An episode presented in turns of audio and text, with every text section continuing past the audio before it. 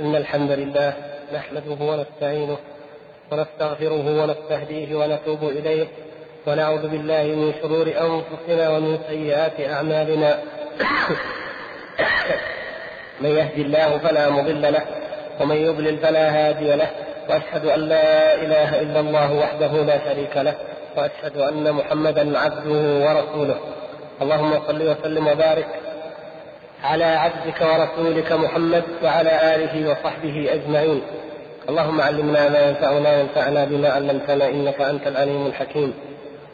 وبعد أيها الأخوة الكرام كنا قد تعرضنا في الأسبوعين الماضيين لشرح الفقرة السادسة والستين وأيضا وما قبلها ولا سيما هي وهو موضوع ولا سيما موضوع الجدال أو المراء في القرآن. وقلنا وذكرنا الاحتمالات التي ذكرها الشارح رحمه الله. ما هي؟ ماذا تحتمل عبارة الماتن الإمام الطحاوي رحمه الله بقوله ولا نجادل في القرآن إلى آخره؟ وتفضل إن الجدال في هي صفة الكلام أيوه كما قد سبق وإما والمعنى الآخر المجادلة فيه أي اتباع المتشابه ثم الآن نأخذ معنى آخر ذكره معنى آخر وهو الذي أطال فيه الشارح رحمه الله تعالى مع أنه قد لا يكون أولاها بل ربما كان هو أبعدها من حيث مقصد الماتن من حيث مقصد الإمام الطحاوي رحمه الله هذا الاحتمال بعيد. ولكن لما فيه من الفوائد ولما فيه من الخير لمعرفة كتاب الله سبحانه وتعالى ونظرا لأن الشارح قد ذكره وتعرض له فلا بد أن نشرحه إن شاء الله. ونسأل الله أن ينفعنا بذلك. تفضل يا عبد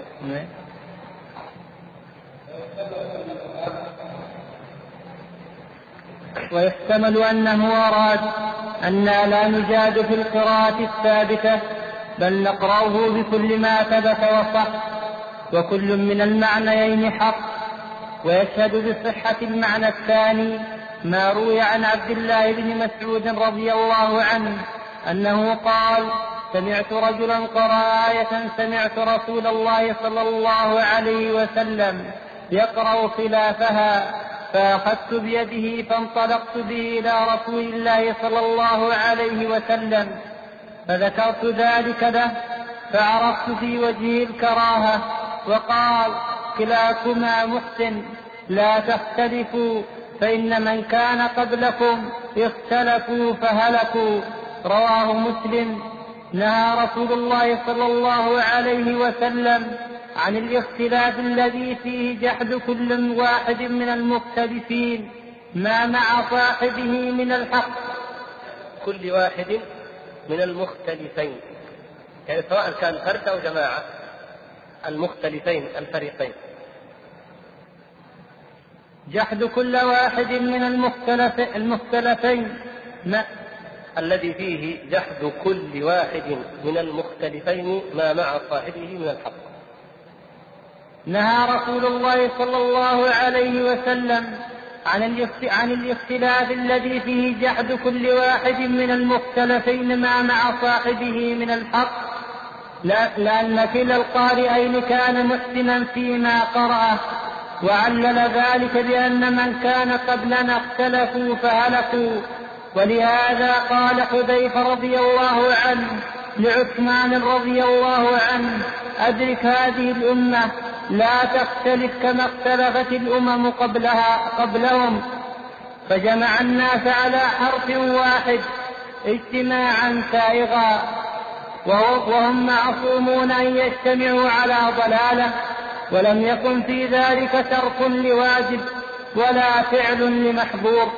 إذ كانت قراءة القرآن على سبعة أحرف جائزة لا واجبة. رخصة من الله تعالى وقد جعل الاختيار إليهم في أي حرف اختاروه كما أن ترتيب السور لم يكن واجبا عليهم منصوصا.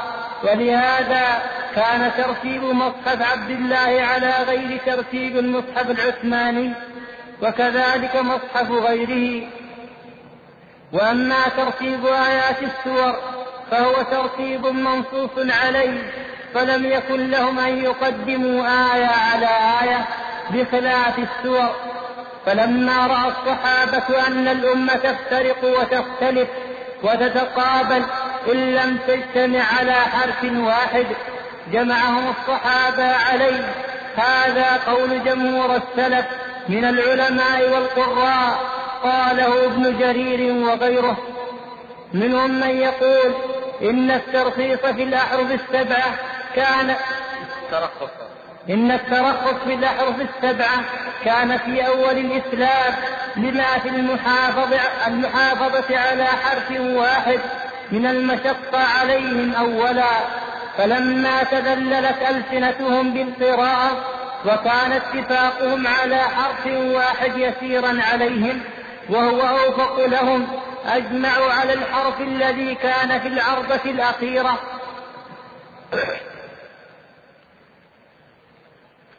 الكلام كله واحد وطويل لكن نحن لا نستطيع أن نأتي عليه في جلسة واحدة. فنقول إن الكلام في القرآن وفي السبعة الأحرف والنهي عن الاختلاف في القرآن على هذا المعنى هذه المسألة مسألة ما هي السبعة الأحرف؟ ما هي الأحرف السبعة؟ وكيف يجوز القراءة بها جميعا؟ وهل القرآن اليوم الموجود الذي نقرأه هل هو على حرف واحد أم على الأحرف السبعة جميعا؟ وهل الأحرف السبعة هي القراءات السبع؟ إلى غير ذلك أسئلة كثيرة كلها تتعلق بعلم عظيم شريف هو علوم القرآن علوم القرآن. وهناك يفصل العلماء فيها مثل هذه المباحث. والكتابة في هذا كثيرة جدا. ولذلك فقد رأينا أن نختار رسالة أو جوابا موجزا لشيخ الإسلام ابن تيمية رحمه الله تعالى في ذلك لأن فائدته عظيمة من جهة ولأن الشارح رحمه الله تعالى هنا قد أخذ منه ملخصا موجزا. وهذه الرسالة هي الجواب هو جواب لسؤال سئله رحمه الله موجود في مجموع الفتاوى في الجزء الثالث عشر. الجزء الثالث عشر. ابتداء من صفحة 389 السؤال يقول وسئل عن قول النبي صلى الله عليه وسلم انزل القرآن على سبعة أحرف ما المراد بهذه السبعة؟ وهل هذه القراءات المنسوبة إلى نافع وعاصم وغيرهما هي الأحرف السبعة أو واحد منها وما السبب الذي أوجب الاختلاف بين القراء فيما احتمله خط المصحف وهل تجوز القراءة برواية الأعمش وابن محيص وغيرهما من القراءات الشاذة أم لا وإذا جاءت جازت القراءة بها بها فهل تجوز الصلاة بها أم لا؟ أفتونا مأجورين. فأجاب رحمه الله تعالى وقال: الحمد لله رب العالمين هذه مسألة كبيرة قد تكلم فيها أصناف العلماء من الفقهاء والقراء وأهل الحديث والتفسير والكلام وشرح الغريب وغيرهم حتى صنف فيها التصنيف المفرد مسألة كبيرة ويتكلمون فيها يتكلم فيها الفقهاء لتعلق ذلك بأحكام الصلاة وغيرها ويتكلم فيها القراء إذ هذا هو علمهم والفن فنهم. ويتكلم فيها أهل الحديث إذ هم يشرحون كلام رسول الله صلى الله عليه وسلم والأحاديث الواردة فيه. وأهل التفسير لعلاقة ذلك بهذا العلم فهو أقرب العلوم إلى علم القراءات. وأهل الكلام لأنهم يتكلمون في القرآن وفي آه، كونه معجزة للنبي صلى الله عليه وسلم. ثم يسترسلون في مسألة آه، الأحرف السبعة وما معناها وهكذا. وكذلك أصحاب شرح الغريب سواء كان شرحا لغريب الحديث أو كانت من شروح غريب اللغة. ما بحدث في غريب اللغة وما أشبه ذلك. وغيرهم. كثير من العلوم تحتاج إلى هذا المبحث إما بإطناب وإما بإيجاز وقد صنف فيها كما يقول رحمه الله تصنيف تصنيفات يعني ألفت مؤلفات منفردة فقط في موضوع القراءات أو الأحرف السبعة. الأحرف السبعة. وما يزال التصنيف إلى اليوم. وفي من المعاصرين من كتب أيضا بعضهم بشكل رسائل مستقلة علمية وبعضهم بشكل بحوث موجزة. والموضوع ما يزال قابلا لأن يصنف وأن يكتب فيه لأهميته ولسعته ولتشعب الأقوال فيه. ولتردد المسألة وصعوبة الترجيح القاطع الذي يجعل الإنسان يسلم بوجهة نظر دون الأخرى. ذكر من آخر من صنف في ذلك أبو شامة أو ابن أبي شامة صاحب شرح الشاطبية. يقول وأما ذكر أقاويل الناس وأدلتهم وتقرير الحق فيها مبسوطا أو وتقرير الحق فيها مبسوطا فيحتاج من ذكر الأحاديث الواردة في ذلك وذكر ألفاظها وسائر الأدلة إلى ما لا يتسع له هذا المكان ولا يليق بمثل هذا الجواب. يقول كلام طويل جدا. وإنما نريد الاختصار وهذا الذي نريده نحن أيضا هنا نريد الخلاصة الوافية حتى نعرف ما معنى كون القرآن أنزل على سبعة أحرف وما علاقة ذلك بالقراءات السبع هذا أمر مهم ويحتاجه كل طالب علم نحتاج أن نجده موجزا ملخصا على قول راجح تجتمع فيه إن شاء الله سائر الأدلة. يقول لكن نذكر النكت الجامعة التي تنبه على المقصود بالجواب فنقول لا نزاع بين العلماء المعتبرين أن الأحرف السبعة التي ذكر النبي صلى الله عليه وسلم أن القرآن أنزل عليها ليست هي قراءات القراء السبعة المشهورة. لا نزاع بين العلماء. المعتبرين ممن يفقهون ويدركون حقيقة هذا العلم. ومتى وضعت القراءات السبع أن أنه هناك يعني مجرد تشابه لفظي بين أن نقول سبعة أحرف وبين القراءات السبع. فليست هذه القراءة ليست الأحرف السبعة التي أنزل القرآن عليها ليست هي القراءات السبع المشهورة عند القراء. هذا عند كل العلماء المعتبرين. لماذا يعلل بل أول من جمع قراءات هؤلاء هو الإمام أبو بكر ابن مجاهد. الإمام القارئ المشهور أبو بكر ابن مجاهد. وكان على رأس المئة الثالثة ببغداد على رأس القرن الثالث في بغداد فإنه أحب أن يجمع المشهور من قراءات الحرمين مكة والمدينة والعراقين ما هما العراقان؟ البصرة والكوفة نعم. والشام. إذ هذه الأمصار الخمسة هي التي خرج منها علم النبوة من القرآن وتفسيره لأن الصحابة الكرام أكثر ما أقاموا من الأمصار فيها ولا سيما في المدينة فهي المرجع مرجع العلم. ولهذا لشيخ الإسلام رحمه الله رسالة خاصة في تفضيل علم أهل المدينة على علم أهل العراق. يقول هذا هكذا يعني جميع الأعمال الباطنة والظاهرة وسائر علوم الدنيا. فلما أراد ذلك جمع قراءات سبعة سبعة مشاهير من أئمة قراء هذه الأمصار الإمام أبو بكر بن مجاهد التقى واختار سبعة مشاهير من أئمة هذه الأمصار الخمسة وجعلها هي القراءات السبع. يقول ليكون ذلك موافقا لعدد الحروف التي أنزل عليها القرآن.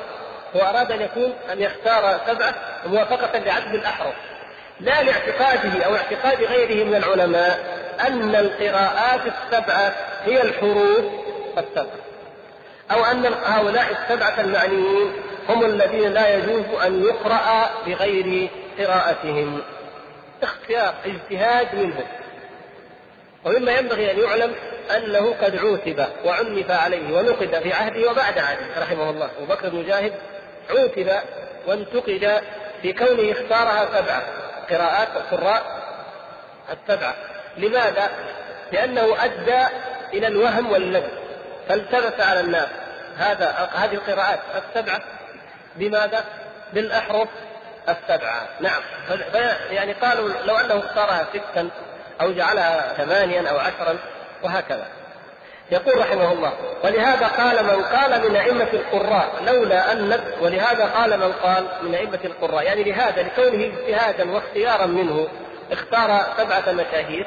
قال غيره لولا أن ابن مجاهد سبقني إلى حمزة لجعلت مكانه يعقوب الحضرمي إمام جامع البصرة وإمام قراء البصرة في زمانه في رأس المئتين. يعني قال بعض المجتهدين بعض العلماء في القراءة لولا أن ابن مجاهد سبقنا وجعل حمزه ما كان يصلح حمزه أن يكون هو السابع، إذا هذا دليل على ماذا؟ على أنها اختيار اجتهاد. هذا اختار وهذا اختار. والإمام أحمد رحمه الله ممن كان يكره قراءة حمزه وله فيها كلام. في في آه إن شاء الله لعل يأتي هنا ضمن هذه الرسالة. ذكره يعني موجزا هنا. نعم. فهذا اجتهاد. يقول ولا نزاع بين المسلمين أن الحروف السبعة التي أنزل القرآن عليها لا تتضمن تناقض المعنى وتضاده لاحظوا يا أخوان. عندما يقول النبي صلى الله عليه وسلم لا تختلفوا لا تختلفوا فإن من كان قبلكم اختلفوا فهلكوا. قاعدة عظيمة لا تختلفوا. هناك أناس حبب إليهم الشذوذ والخلاف. محبب إليهم أن يأتوا بقول شاذ أو أن يخالفوا حتى في الأمور التي يكون خلافهم فيها مرجوحا. يحب أن يقول ولكن هناك قول. المسألة فيها قول آخر. وبعض العلماء يقول كذا هناك قول آخر في كذا. وهذا لا خير فيه ولا مصلحة بل هو مصدر الهلاك كما بين النبي صلى الله عليه وسلم. ومن أسباب الهلاك لما اختلفت الأمم قبلنا هلكت. الخلاف يؤدي إلى التعصب. وإلى التحزب وإلى العداوة وإلى البغضاء ثم يؤدي إلى ما هو أشد من ذلك وهو الافتراق في الدين. فيتفرق الناس فرقا والأمر هين والخلاف قد يكون سائغا أو جائزا أو مقبولا والمسألة الاجتهادية يمكن أن تبحث دون أن تثير خلافا. فلذلك شيخ الإسلام رحمه الله يريد أن يبين هنا هذا هذا الأصل بالأدلة والحقائق العلمية وهو أن القرآن والحمد لله لم يختلف فيه بمعنى أنه ليس فيه تناقض ولا اضطراب ولا اختلاف، الخلاف الاختلاف الذي حصل إنما هو في القراءات وهي رحمة من الله سبحانه وتعالى في أوجه التلاوة أو في أوجه القراءة كما سنفصل إن شاء الله. وهذا لا يعني التناقض أو التضارب أو التضاد في كتاب الله سبحانه وتعالى الذي عصمه الله وحفظه من ذلك. ولو كان من عند غير الله لوجدوا فيه اختلافا كثيرا. فيقول إنه لا نزاع بين المسلمين أن هذه الحروف السبعة لا تتضمن تناقض المعنى أو التضاد بل قد يكون معناها متفقا أو متقاربا.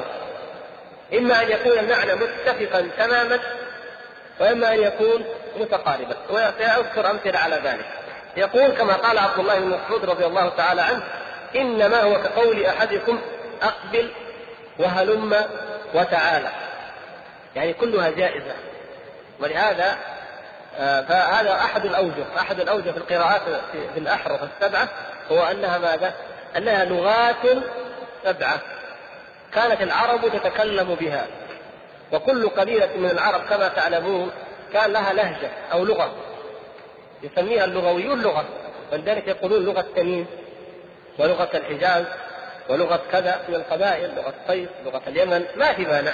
المقصود لغة يعني معنى لهجة بمعنى لهجة ضمن اللغة العربية لا لغة مستقلة. فبعض العرب تعبر بلغة بلغتها. عن معنى وتعبر قبيلة أخرى عن المعنى نفسه بكلمة أخرى. هذا معروف إلى اليوم. إلى الآن معروف هذا عندنا. في اللغة العربية وفي جميع لغات العالم. فيقول هذا هو المعنى واحد. والله سبحانه وتعالى رحمة به أنزل القرآن على سبعة أحرف ليستوعب هذه اللغات جميعا. ولهذا نجده في الأصل في الأصل الغالب الأعم أنه على لغة قريش. لكن قد يوجد في لغة قريش ما في لغة غيرها ما هو أفصح منه. يقول في لغة قريش كلمة أو أسلوب وفي لغة اليمن مثلا أو تميم أفصح منه. فيأتي القرآن دائما على ماذا؟ على الأفصح والأبلغ. نعم. ويذكر العلماء لذلك أمثلة كثيرة من الألفاظ. يقول اذا المسألة ماذا؟ يعني نحن هنا ما نزال في الأصل القضية وهو أنها مثل آه، هلم أقبل تعال. المعنى واحد. المعنى واحد. وإن كان مسألة الترادف في اللغة العربية هذه مسألة أخرى. لا لا نتكلم فيها هل اللغة فيها مترادف. أم أن العرب لم تجعل لكل معنى إلا لفظا خاصا كما يقول اللغويون قعد وجلس. هل هما مترادفان؟ بعض يقول في ترادف في اللغة البعض يقول لا. قعد غير جلس يعني إذا كان عن قيام وإذا كان عن اتكاء يعني كلام. على كل حال هذا موضوع آخر. لا يهمنا بس المقصود أننا نقول أنه لا بالنسبة للغة الواحدة تترادف فيها ألفاظ لا. بالنسبة للغات أو اللهجات. هنا كلمة ها هنا كلمة في لغة قبيلة ويقابلها كلمة أخرى في لغة في لغة قبيلة أخرى. فأنزل الله سبحانه وتعالى القرآن أول الأمر هكذا تيسيرا منه سبحانه وتعالى. وإلا لكان بذلك حرج ومشقة أن يجتمع الناس جميعا على لغة قريش. يقول وقد يكون معنى أحدهما ليس هو معنى الآخر. قد يكون المعنيين المعنيان مختلفين. نعم قد يكون المعنيان مختلفين لكن كلا المعنيين حق. هذا حق وهذا حق. إذا لا تعارض أيضا وإن اختلف المعنى. وهذا اختلاف تنوع وتغاير. تنوع وتغاير. لا اختلاف تضاد وتناقض. وهذا كما جاء في الحديث إذا المرفوع عن النبي صلى الله عليه وسلم في هذا حديث أنزل القرآن على سبعة أحرف إن قلت غفورا رحيما أو قلت عزيزا حكيما فالله كذلك ما لم تختم آية رحمة بآية عذاب أو آية عذاب بآية رحمة. وهذا كما في القراءات المشهورة. يعني أخذ يمثل رحمه الله للقراءات المشهورة المعروفة. كما في قوله ربنا باعد أو إيش؟ باعد. وإحنا جبنا لذلك. طيب. لأنه هذه في سورة ماذا؟ سورة إيش؟ إبراهيم. نعم نعم سبع قوم سبع. قالوا وجعلنا بينهم وبين القرى التي باركنا فيها قرى ظاهرة وقدرنا فيها السير. سيروا فيها ليالي وأياما آمنين. هذا فضل نعمة من الله منا قالوا ربنا باعد بين أفكارنا أو قالوا ربنا باعد بين أفكارنا طيب ما ما المعنى؟ يعني آه ما على القراءتين؟ كيف يكون ربنا باعد بين أفكارنا أخبروا يعني إيش؟ يعني الله تعالى ذكر أنه جعل بينهم وبين القرى التي بارك فيها والظاهر انها قرى الشام قرى ظاهرة. وقدرنا فيها السير فاذا الله تعالى امتن وأنعم عليهم بنعمة عظيمة. مراحل سير طريق موجودة. قرى مسلوكه يعني معالم واضحة وقرى مسكونه فينتقلوا من مرحلة إلى مرحلة فلا يشعرون بالانقطاع ولا بالخوف ولا بالبعد. لكن ماذا قالوا هم؟ قالوا ربنا باعد بين أسفارنا. إذا إيه؟ ماذا أخبروا إيه؟ بخلاف يعني أنكروا النعمة. كذا؟ أنكروها. مثل واحد أنعم الله عليه. أعطاها الصحة وأعطاها العافية وأعطاها المال قال شوف كيف يتسوى بربي. ما ما أعطاني شيء. بهدلني وكذا وتعبني وشقاني والعياذ بالله. هكذا. إذا هذا النوع الإنكار وجحود لنعمة امتن الله تعالى. باعد بين أسفارنا والمعنى الآخر أو على قول ربنا باعد بين أفكارنا. أيوه هم قالوا لا يا رب. يعني على المعنى أنت يسرت لنا الأفكار وجعلتها سهلة وقريبة. ربنا باعد بين أفكارنا. وهذا من من من البطر. هذا من البطر الذي يصيب النفوس. هذه حالة كما يقولون حالة نفسية تصيب الحضارات إذا وصلت إلى مرحلة الترف والبطر في المعيشة. كل شيء ميسور موجود. يعني الواحد يبغى يركب يمشي ميسور يبغى يأكل أنواع الأكل متيسر يبغى أي شيء متيسر. إيش يقول؟ يرجع يقول يا ليتنا في أيام البقاوه والشقاوة. يوم كان حليب يوم كان التمر فقط. فقط. يا ليت يوم كنا الله الله يزيدها نعمة والعياذ بالله. وهذا موجود. نعم. هذه الحالة أيضا موجودة عند بعض الناس. الشرق والغرب. بل في الغرب أصبح الناس الذين عندهم نوع من الإحساس بالذات وذا يرفضون حياة المدن، أكثر الناس يرفضون حياة المدن يسكنون في الأرياف. وأشد من ذلك أن بعضهم خاصة الشعراء منهم وصل بهم الحال إلى أن يتركوا الحضارة بالكلية.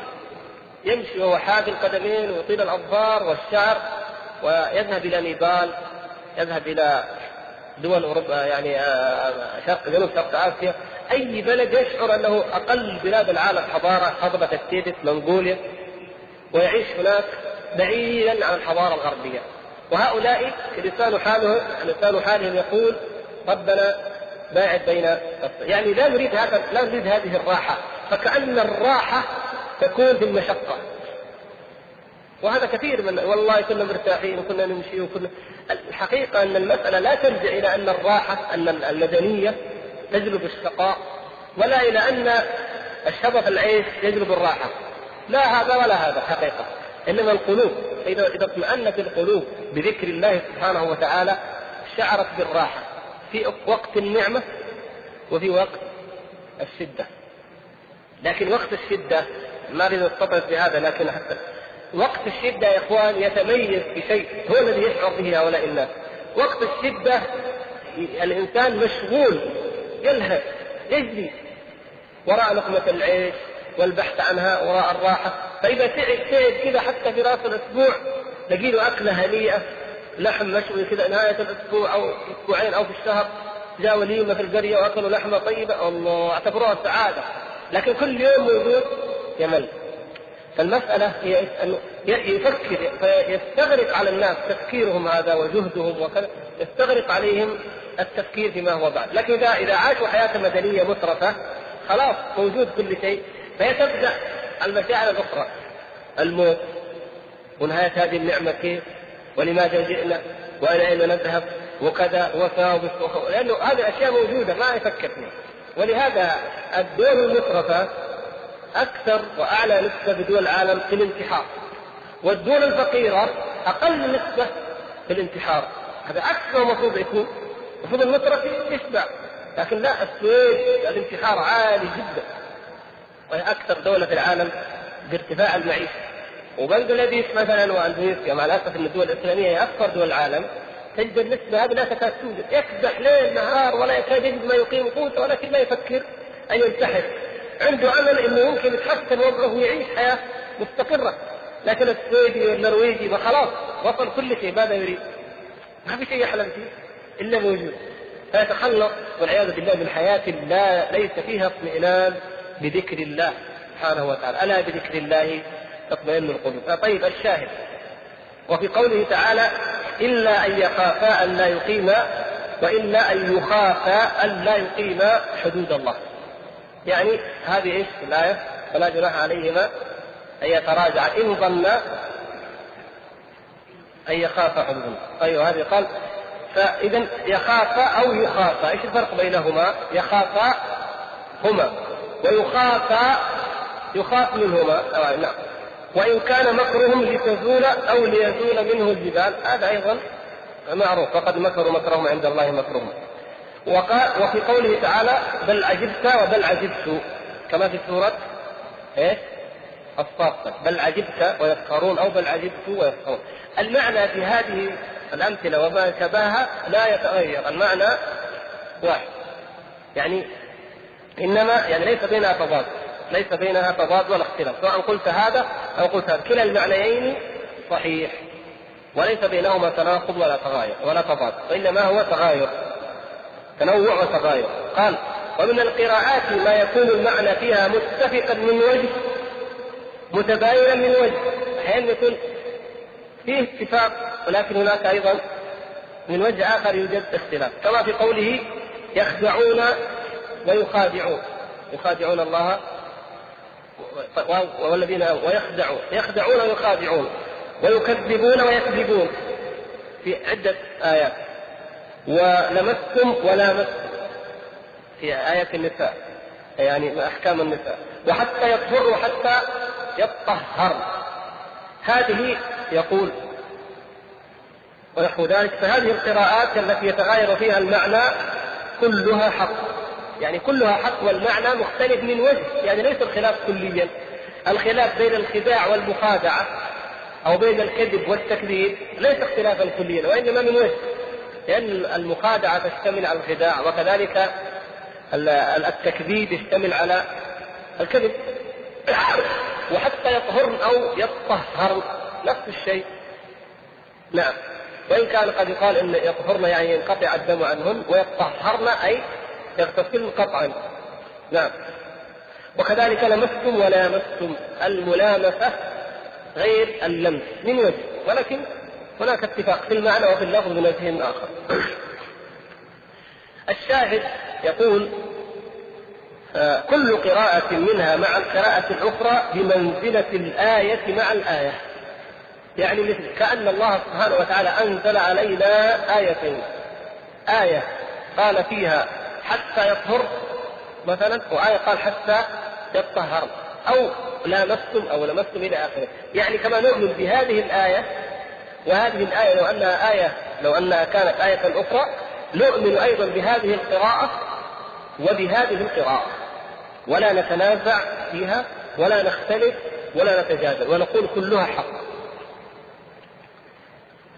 بل يجب قل يجب الإيمان بها كلها. واتباع ما تضمنته من المعنى علما وعملا في الأمور العلمية الاعتقادية وكذلك في الأمور العملية في نعم في الأحكام أو في الحدود أو في الطهارة أو ما أشبه. قال ولا يجوز ترك موجب إحداهما لأجل الأخرى ظنا أن ذلك تعارض. ما يقول واحد لا والله نحن نعمل بهذه ونترك الأخرى. ليش؟ قال والله يا أخي تعارض قراءتان وأنا أخذت بالراجع يصح هذا الكلام في القراءات نقول له لا كلاهما حق. فتعمل يعني تأخذ تأخذ بهما تؤمن بهما علما في الأمور الاعتقادية أو الجانب العلمي منها وعملا أيضا في ناحية الأحكام. تؤمن بهما جميعا. لكن أنت في ناحية الأحكام لو عملت باحدى القراءتين يعني رجحت أحد أحد الحكمين لا حرج لكن لا تختلف مع من رجح حكما آخر اخذا من قراءة أخرى. فهمتم يا شباب؟ كيف؟ فهمتم كثير من الاختلاف الذي يقع فيه الناس.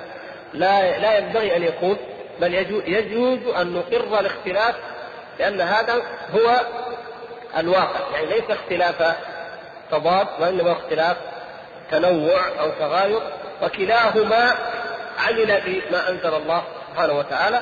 واجتهد في ذلك. مع أننا نقول إن المقصود بالنسبة للأمور العملية وحتى في الاعتقاد أن الحق واحد عند الله سبحانه وتعالى.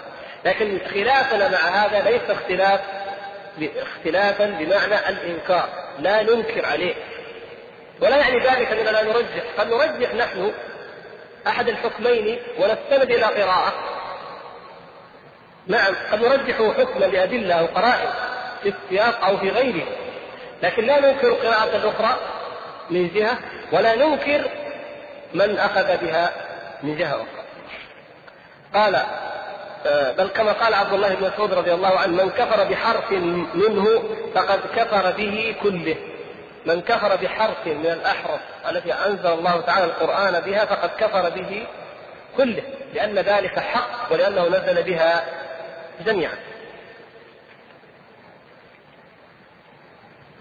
إذا هذان نوعان يا إخوان فهمتم؟ النوع الأول الذي لا اختلاف فيه مثل باعد وباعد والنوع الثاني هو الذي فيه اختلاف من وجه كما ذكرنا في الأمثلة الحديث. قال وأما إذا كان هذا نوع إيه؟ ثالث. وأما ما اتحد لفظه ومعناه. اتحد اللفظ والمعنى. ما في أي فرق.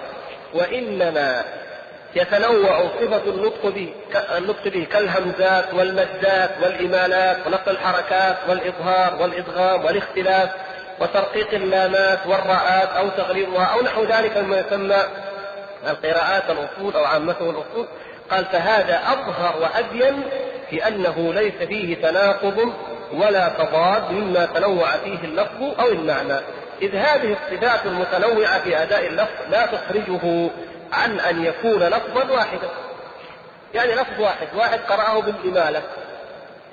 في قراءة مثلا بعض القراءات كل كل القرآن بالإمالة بعضهم لا لا يميل إلا في كلمة واحدة. طيب مثلا واحد يقرأها بمد معين مد المتصل مد المنفصل يعني أحكام أحكام آه، تجويدية اللي إحنا نسميها علم التجويد كيف كم حركة نمده؟ خمسا ولا ثلاثا مثلا؟ هل نمده دائما ولا ولا ولا لا نمده؟ هل هذه أحكام هل يرقق الراوة إلا آه، نفخمها؟ هل مثلا نذكر الهمزة والأرض ولا نقول والأرض مثلا هذه يمكن كلكم إن شاء الله تتابعون إذاعة القرآن تجدون هذا الاختلاف إنما نسمع لبعض القراءات المقصود هذه الأوجه كلها هذه ليست داخلة لا تناقض فيها ولا تضاد من باب الأولى. لماذا؟ لأنها مجرد أوجه للقراءة أو للتلاوة والمعنى واحد واللفظ واحد. قال ولهذا كان دخول هذا بحرف واحد من الحروف السبعة التي أنزل التي أنزل القرآن عليها من أولى ما يتنوع فيه اللفظ أو المعنى. وإن وافق رسم المصحف وهو ما يختلف فيه النقص أو الشكل. يعني هذا هذا كله قد يكون في الحرف الواحد فكيف في الحروف جميعها؟ يقول ولذلك لم يتنازع لذلك لأنه لا خلاف في ثبوتها ولا في صحة القراءات السبعة. الأحرف. الأحرف السبعة. ولذلك لم يتنازع علماء الإسلام المتبوعين من السلف والأئمة لأنه لا يتعين أن يقرأ بهذه القراءات المعينة. يعني القراءات السبعه لا لا يتعين أن يقرأ بها. لماذا؟ لأننا قلنا أن هناك احرفا سبعة وهي غير هذه وهذه مختارة من القراءات التي هي قراءات كثيرة في الأحرف السبعة. فاختار الإمام أبو بكر المجاهد قراءات سبعة سبع لا يقول لم يتنازع العلماء بأنه لا يتعين أن يقرأ أن يقرأ بها فقط وحدها. بل من ثبت عنده قراءة الأعمش شيخ حمزة أو قراءة يعقوب بن إسحاق الحضرمي ونحوهما كما ثبت عنده قراءة حمزة والكسائي فله أن يقرأ بهما بلا نزاع. فله أن يقرأ بها بلا نزاع بين العلماء المعتبرين المعدودين من أهل الإجماع والخلاف. ليس أي عالم ليس أي مخالف بل من يعتد بقوله وخلافه. يقول بل أكثر العلماء الأئمة الذين أدركوا قراءة حمزة كسفيان بن عيينة وأحمد بن حنبل وبشر بن الحارث وغيرهم يختارون قراءة أبي جعفر بن القعقاع وشيبة بن النصاح المدنيين وقراءة البصريين كشيوخ يعقوب بن إسحاق وغيرهم على قراءة حمزة والكسائي. ولهذا يعني يرجع الإمام أحمد كما قلنا رحمه الله وهذا من مذهبه ترجيح قراءة هؤلاء على يعني قراءة أبي جعفر على قراءة حمزة. نعم. فإذا لا إلزام في ذلك وإنما هو اجتهاد واختيار كما سبق. قال وللعلماء الأئمة في ذلك من الكلام ما هو معروف عند العلماء. ولهذا كان أئمة أهل العراق الذين ثبتت عندهم قراءات العشرة أو الأحد عشر كثبوت هذه السبعة يجمعون ذلك في الكتب. يعني يوجد الآن كتب منها مثلا النسخ في القراءات إيش؟ العشر العشر. فين زاد على السبع بثلاث أليس كذلك؟ لأن الناس مقيدين بهذه السبع أو أحد عشر. يجمعونه في الكتب وأفضل أو أعلى من ذلك ويقرؤونه في الصلاة وخارج الصلاة. وذلك متفق عليه بين العلماء لم ينكره أحد منهم. أنه يعني يكتب ويذكر في كتب القراءات والتفسير وأنه يقرأ بذلك أيضا في الصلاة يجوز ذلك. وأما الذي ذكره القاضي عياض ومن نقل من كلامه من الإنكار على ابن شنبود الذي كان يقرأ بالشواذ في الصلاة في أثناء المئة الرابعة وجرت له قصة مشهورة فإنما كان ذلك في القراءات الشاذة الخارجة عن المصحف هذا ابن شنبود أو شنبود له قصة مشهورة في تفسير في تاريخ ابن كثير وابن الأثير وغيرهم.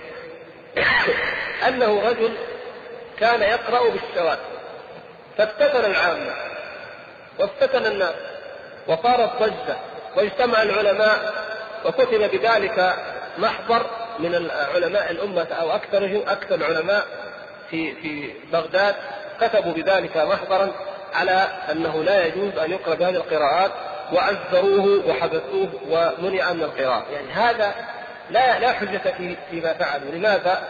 لأنه كان يقرأ بالشواذ وليس بالعشر أو الأحد عشر.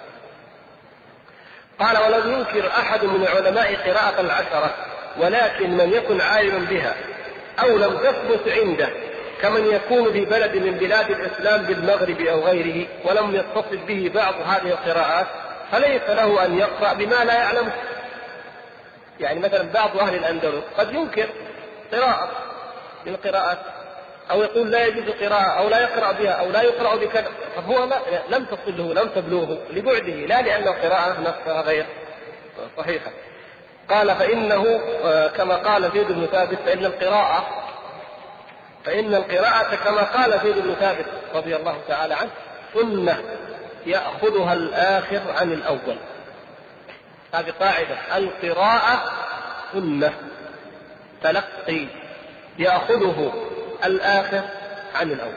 يأخذ التلميذ عن الشيخ. هذا قراءة. يعني ليست أمورا اجتهادية لغوية. مثل ما نأتي ونقول نرجح في اللغة أو في شعر امرئ القيس. هذا المعنى صحيح هذا المعنى خطأ. لا إنما هي ترجع إلى ماذا؟ إلى التواتر إلى السند إلى الثبوت. ما ثبت سنده وتواتر النبي صلى الله عليه وسلم فإذا تواتر فهو من القراءات المعتبرة وإن صح ولم يتواتر فهو من القراءات الشاذة. إلى آخر ما فصل العلماء المقصود أنه ليس آه، مجرد رأي أو أو هوى وإنما هو بالتلقي. يقول انظروا هذا التشبيه منه رحمه الله من كمال فقهه رضي الله تعالى عنه. يقول كما أن ما ثبت عن النبي صلى الله عليه وسلم من أنواع الاستفتاحات في الصلاة إيش الاستفتاحات؟ أدعية الاستفتاح. نعم. ومن أنواع صفة الأذان والإقامة وصفة صلاة الخوف وغير ذلك كله حسن يشرع العمل به لمن علمه. مثل إيش؟ التشهدات. الله يفتح عليك. لأن هذا موضوع شرحناه قبل مثل آه، الصلاة تشهد النبي صلى الله عليه وسلم الصلاة أو التشهدات التحيات. كل ما صح فهو حق وهو سنة ويجوز ويشرع العمل به. التسبيح بعد الصلاة أدعية الرفع من الركوع أدعية السجود مثلا. وما أشبه كثير جدا. كلها ما صح منها فإنه جائز وحسن ويشرع العمل به ولا إنكار. والحمد لله. لا إنكار على أحد خالف فعمل بحديث دون حديث ما دام أن الحديث قد صح عنده. هذا من رحمة الله ومن تيسير الله ومن تخفيفه على هذه الأمة. ولهذا الذين ينكرون من جهال عادة منع الجهال يعني العوام بل من يظن أنه عند أن عنده علما وليس عنده فينكر على من أخذ بحديث وترك الآخر بدعاء وترك الآخر. الكل إن شاء الله تعالى مشروع وفيه أجر وذلك من التيسير والسعة. وهذا من أعظم أوجه جمع من أعظم أوجه الجمع جمع الأقوال المختلفة. بأن يقال إنه لا خلاف بين هذه الأحاديث. حتى نضطر نقول أيهما أرجح. أن نقول اللهم باعد بيني وبين ذنوبي وخطاياك وباعدت بين المشرق والمغرب أو نقول سبحانك اللهم وبحمدك إلى آخره. أي يعني أيهما أرجح؟ لا ما هو شرط. ليست مسألة مسألة راجح ومرجوح وإنما المسألة مسألة صحة. فإذا صحت صحا جميعا عملنا بهما جميعا. إن كان أحدهما مثلا أحد الروايتين متفق عليه إذا كان إحداهما متفقا عليها في الصحيحين. والأخرى في السنن. حسنة إسنادها حسن مثلا. أيهما أولى؟ المتفق. هذا من باب الأولى لكن ننكر على من عمل بتلك لا. هذه من القواعد العلمية العظيمة يا شباب. قال وأما من علم نوعا ولم يعلم غيره فليس له أن يعبد أخي على طريق الحق. هنا منتصف الشريف. ما لم يعلمه. أيضا ولكن لا تنكر على من علم شيئا لم تعلمه أنت. ولا أن يخالفه كما قال النبي صلى الله عليه وسلم لا تختلفوا. وهذا هو الحديث الذي ذكره هنا. فإن من كان قبلكم اختلفوا فهلكوا.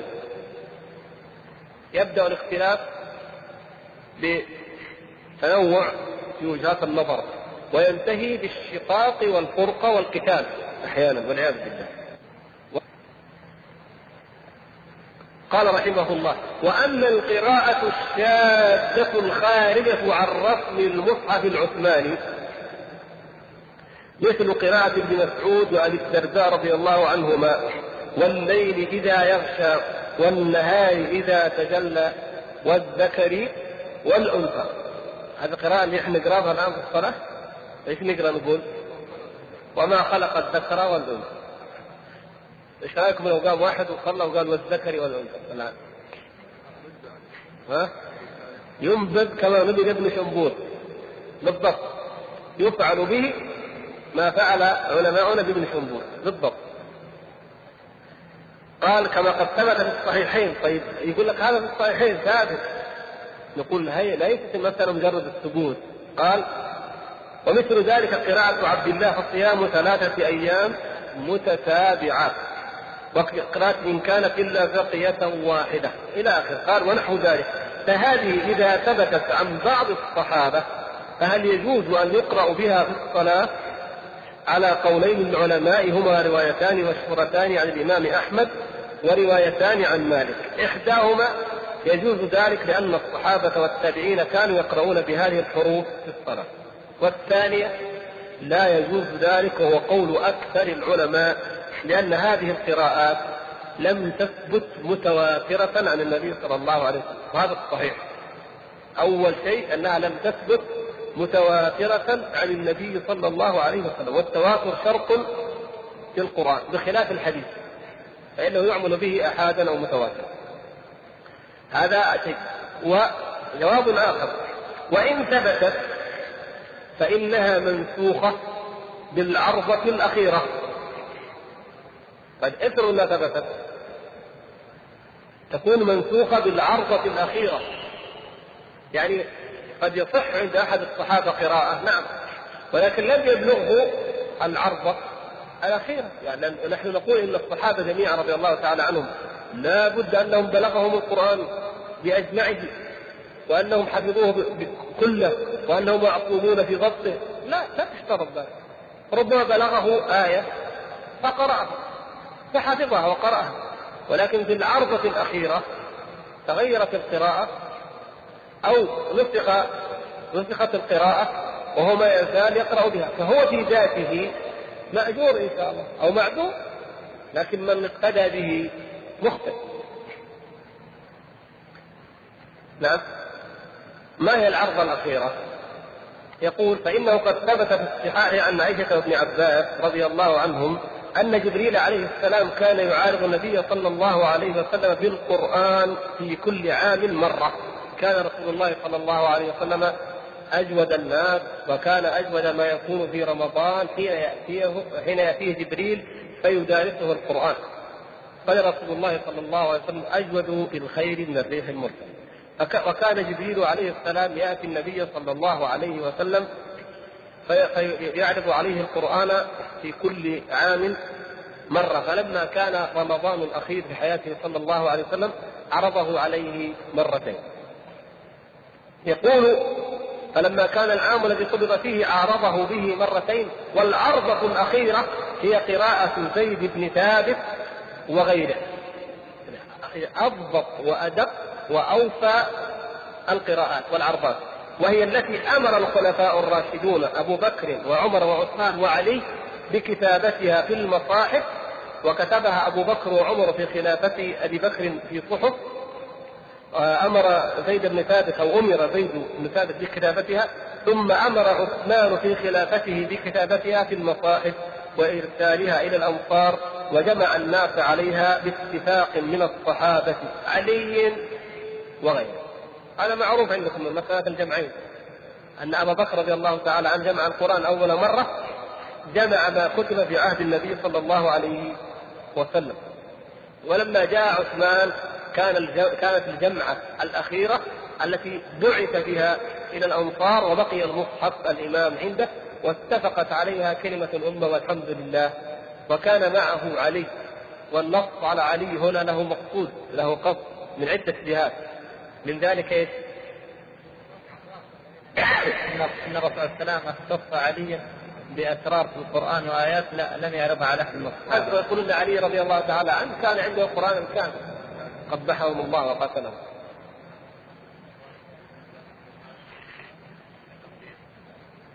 يعني هذا فيما بعد يعني قالوا إيش؟ إنه أن علي رضي الله تعالى عنه جاء ذهب به إلى الأول يعنون به من؟ إذا قالوا الأول لعنه الله يعنون بالأول من؟ فرده ثم ذهب به إلى الثاني فرده ثم ذهب به إلى الثالث فرده فلما كتب الثالث المصاحف وأرسلها في الامطار كانه احس أو ندم بالندم أو كذا كما قال اخبثهم ومن اخبثهم هذا الجزائري الذي توفي في القرن الماضي. نعم أترك بس ما هو من نعم الله. فقال له قال يا علي اعطنا المصحف. أو أرنا فقال والله لا أريكم إياه ابدا. يعني ما دام قد رددتموه أكثر مرة والله لا أعطيكم إياه ابدا وإنما أعطيه أبنائي أو أجعله حتى يخرجه القائم من ذريتي القائم وهو من؟ المهدي. مع فكرة المهدي وفكرة القائم هذه الفكرة أصلا ما كانت معروفة في عهد علي رضي الله تعالى عنه ولا في القرن الأول حتى. فكرة يعني أكثر ما ظهرت في فيما بعد.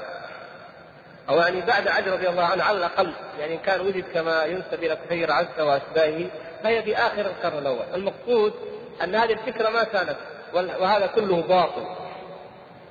ولا حاجة بنا إلى أن نسترسل في الرد على هذا، يعني لو كان لو صح هذا لكان أول من يؤاخذ به علي رضي الله عنه. أول من يؤاخذ. أنت عندك كتاب الله الصحيح الكامل. وزعلت من واحد تقول أبي بعطيك إياه وتترك الأمة على الضلال عشان فلان زعلك ولا ما ارضاك ولا ما أخذ كتابك. خاصة انه ندم وحاول يعطيك أو أو طلب منك ذلك أو أنه ردك فغضبت وقلت لا أعطيكم إياه. كلام لا يليق. بمن هو دون علي رضي الله تعالى عنه. هذا أمر يستحق السيف يعني لو أن أحد الخلفاء الراشدين وعلي رضي الله تعالى عنه هو من هو دفاعا عن الدين وقياما به لو قال له أحد في كتاب الله شيء أو طعن بشيء في كتاب الله لقصمه بالسيف رضي الله تعالى ما يمكن.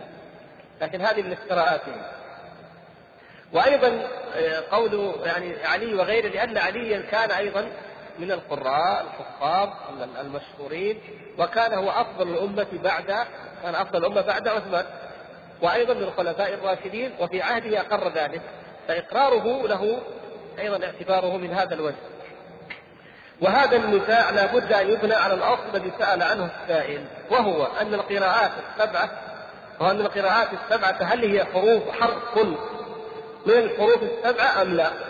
لاحظتم؟ هذا الذي يعني ذكر الشيخ أو رجح الشيخ آه، هنا أن أنه أن عثمان رضي الله تعالى عنه جمع الناس على حرف واحد.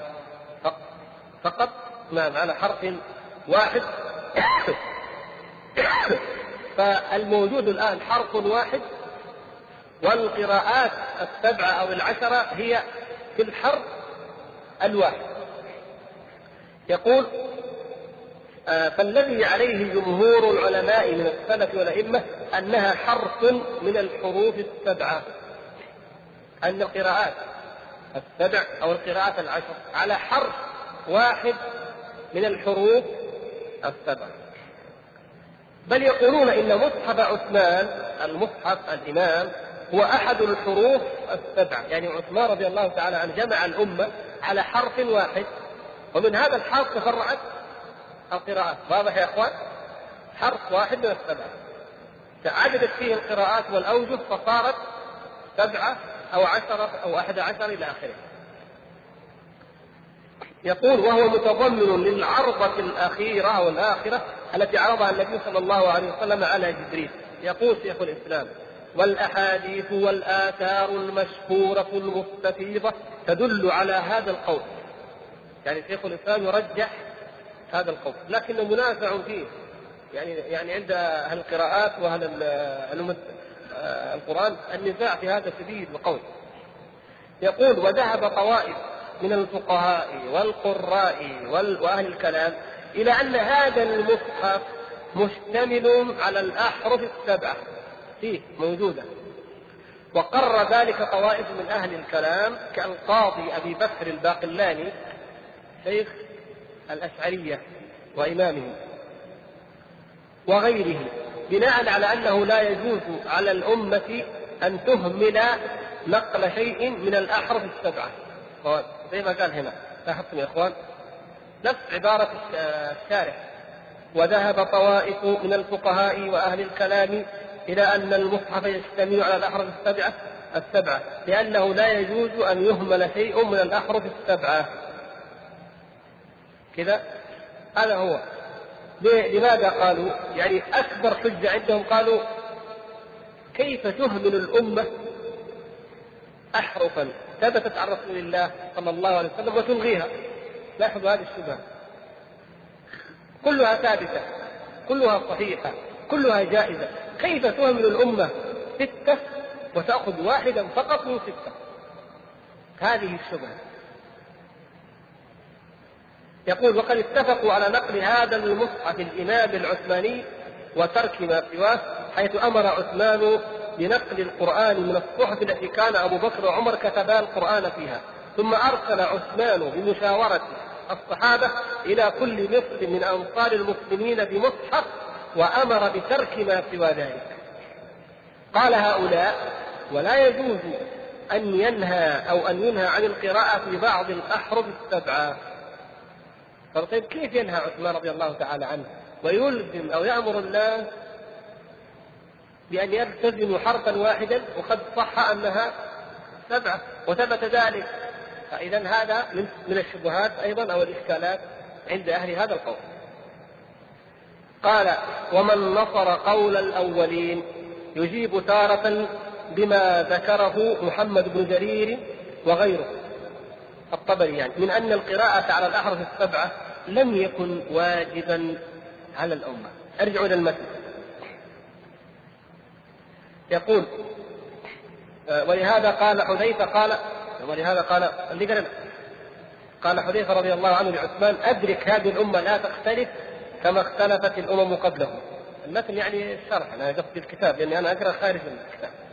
أيوة فجمع الناس على حرف واحد إيش؟ اجتماعا جائزا جائز وهم معصومون أن يجتمعوا على ضلالة إذا الحجة هي في في ماذا؟ في الإجماع قال ولم يكن بذلك ترك لواجب ولا فعل لمحذور طيب افرض عثمان رضي الله تعالى عنه جمع الناس على حرف واحد هل ترك واجبا؟ هل فعل محظورا؟ لا لماذا؟ قالوا إذ كانت قراءة القرآن على سبعة أحرف جائزة لا واجبة رخصة من الله تعالى إذا ما الذي عمله عثمان رضي الله تعالى؟ أيوه يعني الإلزام في فعله ما هو؟ وفي إلزام ولا ما في إلزام؟ الإلزام جاء من جهة سبعة أمور سبعة قراءات سبعة أحرف إلى آخره جائزة اختار منها شيئا واحدا وألغى ما عداه بحكم أنه إمام المسلمين. وليتدارك أمة الإسلام من الاختلاف كما أشار عليه بذلك الصحابة حذيفة وغيره رضي الله تعالى عنهم. الكل أحسوا بخطر افتراق الأمة في هذا الباب. يقول الله يعني الله سبحانه وتعالى رخصة من الله تعالى وقد جعل الاختيار إليهم. من الذي جعل الاختيار إليهم؟ من من الذي جعل الاختيار إليهم؟ الله نعم. يعني يمكن تحط لفظ الجلالة. يعني وقد جعل أي الله وقد جعل الله الاختيار إليهم في أي حرف اختاروا يعني النبي صلى الله عليه وسلم قال لا كلاكما محسن. كلاكما محسن. هذا على حرف. وهذا على حرف. طيب يا ربنا نحن اخترنا حرفا. أجمعنا. فاخترنا حرفا لكي لا نختلف. هذا جائز ولا ما هو جائز؟ جائز. لكن ما هذا جواب جمهور السلف على من قال بهذا القول من الفقهاء والقراء والمتكلمين. يقول وقد جعل إليهم الاختيار في أي حرف اختاروا. لاحظوا ان كما قلنا الشارح يأخذ من كلام شيخ الإسلام في هذا الجواب ويلخص كما تلاحظون التشابه. وقد جعل إليهم الاختيار في أي حرف اختاروه كما أن ترتيب السور لم يكن واجبا عليهم منصوصا. لاحظوا في استدلال بشيء قوي آخر وهو ماذا؟ هناك ترتيب للسور وهناك ترتيب للآيات داخل السورة. معروف هذا عندكم؟ الآيات داخل السورة. أما السور مع بعض أي أيهما التوقيفي الذي لا يجوز أن تجتهد الأمة في تقديمه وتأخيره؟ الله يفتح عليكم. ترتيب الآيات داخل السورة الواحدة. لكن تقديم سورة على سورة ترك لهم. تركه الله تعالى جعله فضل من الله سبحانه جعله بالاختيار. فلما أجمعوا على هذا الترتيب يجوز واحد يطلع يقول والله احسن شيء نقدم النساء على آل عمران. لأن ورد في صلاة قيام الليل أن النبي صلى الله عليه وسلم قرأ استفتح بالبقره ثم النساء مثلا أو أي شبهة. يجوز ذلك الآن؟ نقول لا. الصحابة رضي الله عنهم بعد أن اجتمعوا وهم معصومون عن الاجتماع على ضلالة واختاروا من الجائز واحدا. أو كان الأمر اجتهاديا واختاروا فعلا واحدا فلنلتزم به لكي لا نفترق والحمد لله نعمة عظيمة نحمد الله سبحانه وتعالى على ذلك و ونشكر لأصحاب رسول الله صلى الله عليه وسلم نترضى عنهم ونصلي ونسلم عليهم الذين كان لهم هذا الفضل. انظروا يا إخوان كيف هذه النعمة هذا هذا من كمال فقههم. وحرصهم على الدين واعتنائهم بكتاب رب العالمين سبحانه وتعالى. انتبهوا لو ترك الأمر لنا من يجمعنا. متى نجتمع؟ متى نتفق على شيء؟ ما يمكن. بل نتقاتل على أمور أقل من ذلك والخلاف فيها جائز وقديم. نتقاتل عليها ونتضارب عليها نضيع الأوقات فيها. أما هم رضي الله تعالى عنهم فأدركوا ذلك وكانوا كما اختارهم الله سبحانه وتعالى. أفضل الناس. وافضل القرون خير القرون. فتداركوا هذه الأمة وفعلوا ذلك. وهذه هذه المنقبة من أعظم مناقب ومآثر وفضائل عثمان رضي الله تعالى عنه. ومن طعن في عثمان رضي الله تعالى عنه فقد طعن في هذا العمل. وقد طعن في كتاب الله سبحانه وتعالى. أي واحد يطعن في عثمان رضي الله تعالى عنه فقد طعن في كتاب الله. من بعيد أو قريب. لماذا؟ لأنه هو الذي جمعه وهذه أعظم مآثره في خلافته أعظم أعماله في خلافته رضي الله تعالى عنه مع أعماله الأخرى كالفتوحات والعدل الذي كان والخير العظيم الذي امتن به الله تعالى على هذه الأمة. في عهده رضي الله تعالى عنه قتل كسرى هلك كسرى وكما قال صلى الله عليه وسلم إذا هلك كسرى فلا كسرى بعده. فأورث الله سبحانه وتعالى الأمة الأرض من بعد أولئك الظالمين. يقول وقد جعل الله تعالى يعني إليهم الاختيار في أي حرف اختاروه كما أن ترتيب السور لم يكن واجبا عليهم منصوصا بل مفوضا إلى اجتهادهم. ولهذا كان ترتيب مصحف عبد الله على غير ترتيب مصحف زيد وكذلك مصحف غيره. هنا يأتي المستشرقون وافراقهم ويقول لك هذا المصحف فيه كذا وقد رويت كذا والروافض قبحهم الله وهذا كما قد تقدم. هذا مما يدل على أن هؤلاء أصلا ليس من الإسلام في شيء وإنما من الذي يجمع يجمع الشواذ والموضوعات والضعاف ليثبت أن كلام الله محرم. هذا مسلم؟ ها؟ فصل الخطاب كتاب يؤلفه الرافضة. فصل الخطاب في إثبات تحريف كتاب رب الارباب هؤلاء مسلمون؟ أعوذ بالله. من من الكافر اذا من المرتد بعد هذا؟ أتوا وجمعوا هذا الكلام ثم نفخ فيهم المستشرقون. قالوا مصحف عبد الله غير مصحف زيد طيب سبحان الله. كيف كان القرآن أصلا؟ هو ذكر رحمه الله تعالى هنا لعله يأتي بعد قليل. هذه الأمة جعل الله سبحانه وتعالى أناجيلها في صدورها. أمة حفظ أصلا أمة حفظ. وبعد ذلك نحن الآن في هذا الدرس مثال من هذا الدرس. ها؟ واحد من الإخوان كل واحد مثلا معاه أوراق أو معاه كتاب يعلق فيه. واحد علق أشياء وواحد ما علقها. واحد اطال واحد أوجز واحد قدم واحد أخر. ما في شيء. فافرض إن واحد من الصحابة مثلا كما يقول إن مصحف ابن مسعود لم تكن فيه المعوذتان طيب افرض لازم يكتبها وخلاص حافظها ما يحتاج يكتبها. مثلا آية أو أو أول سورة من السور مثلا أول سورة المؤمنون. ما شاء الله. لما نجي نحن نقرأ في الصلاة على طول نقراها 15 آية بعدين من تحت كان واحد بلاش يكتب الأول اللي إحنا حافظينه.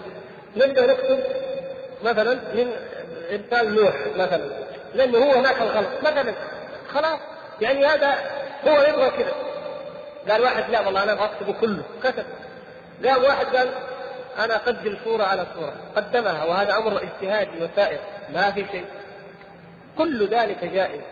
ولا يعني الاختلاف هذا بينهم رضي الله تعالى عنهم بين مصاحفهم أن الأمة اختلفت في القرآن وتضاربت وأنها لم تضبطه. أعوذ بالله. والله لا يقول هذا في قلبه ذرة من الايمان وفهم للحق والعلم أبدا.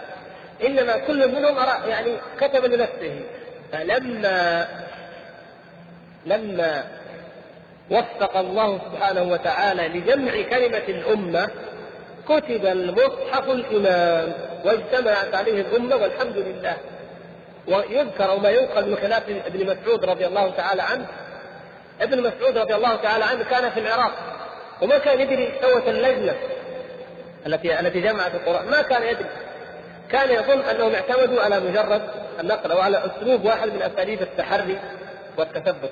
فلما علم الحقيقة لم ينازع رضي الله تعالى لما علم انهم أكثر الصحابه قراءة وضبطا واتقانا وانهم يتحرون اشد التحري في نقلها مشافهة وفي الاخذ أيضا من الصدور ويجمعون هذا إلى هذا ثم يضعونه في المصحف وعلى رسم ووضع معين دقيق بدقة لا يكاد الإنسان يصدق بالنسبة لعصر عصرهم رضي الله تعالى عنه. يقول وأما ترتيب الصور إلى آخره طيب قالوا فكذلك الأحرف السبعة فلما رأى يعني كذلك مرجعها إلى الاجتهاد. فلما رأى الصحابة أن الأمة تفترق وتختلف وتتقاتل إذا لم يجتمعوا على حرف واحد اجتمعوا على ذلك اجتماعا سائغا. وهم مأمومون أن يجتمعوا على ضلالة ولم يكن في ذلك ترك لواجب ولا فعل لمحظور. هذا الذي نقله الشيخ هنا ولكن قدم فيه وأخر. قال شيخ الإسلام رحمه الله ومن هؤلاء من يقول بأن الترخيص في الأحرف السبعة كان في أول الإسلام. أيضا يعني في جواب آخر هذا جواب. ما يلخص الجواب الأول؟ الجواب الأول إيش هو؟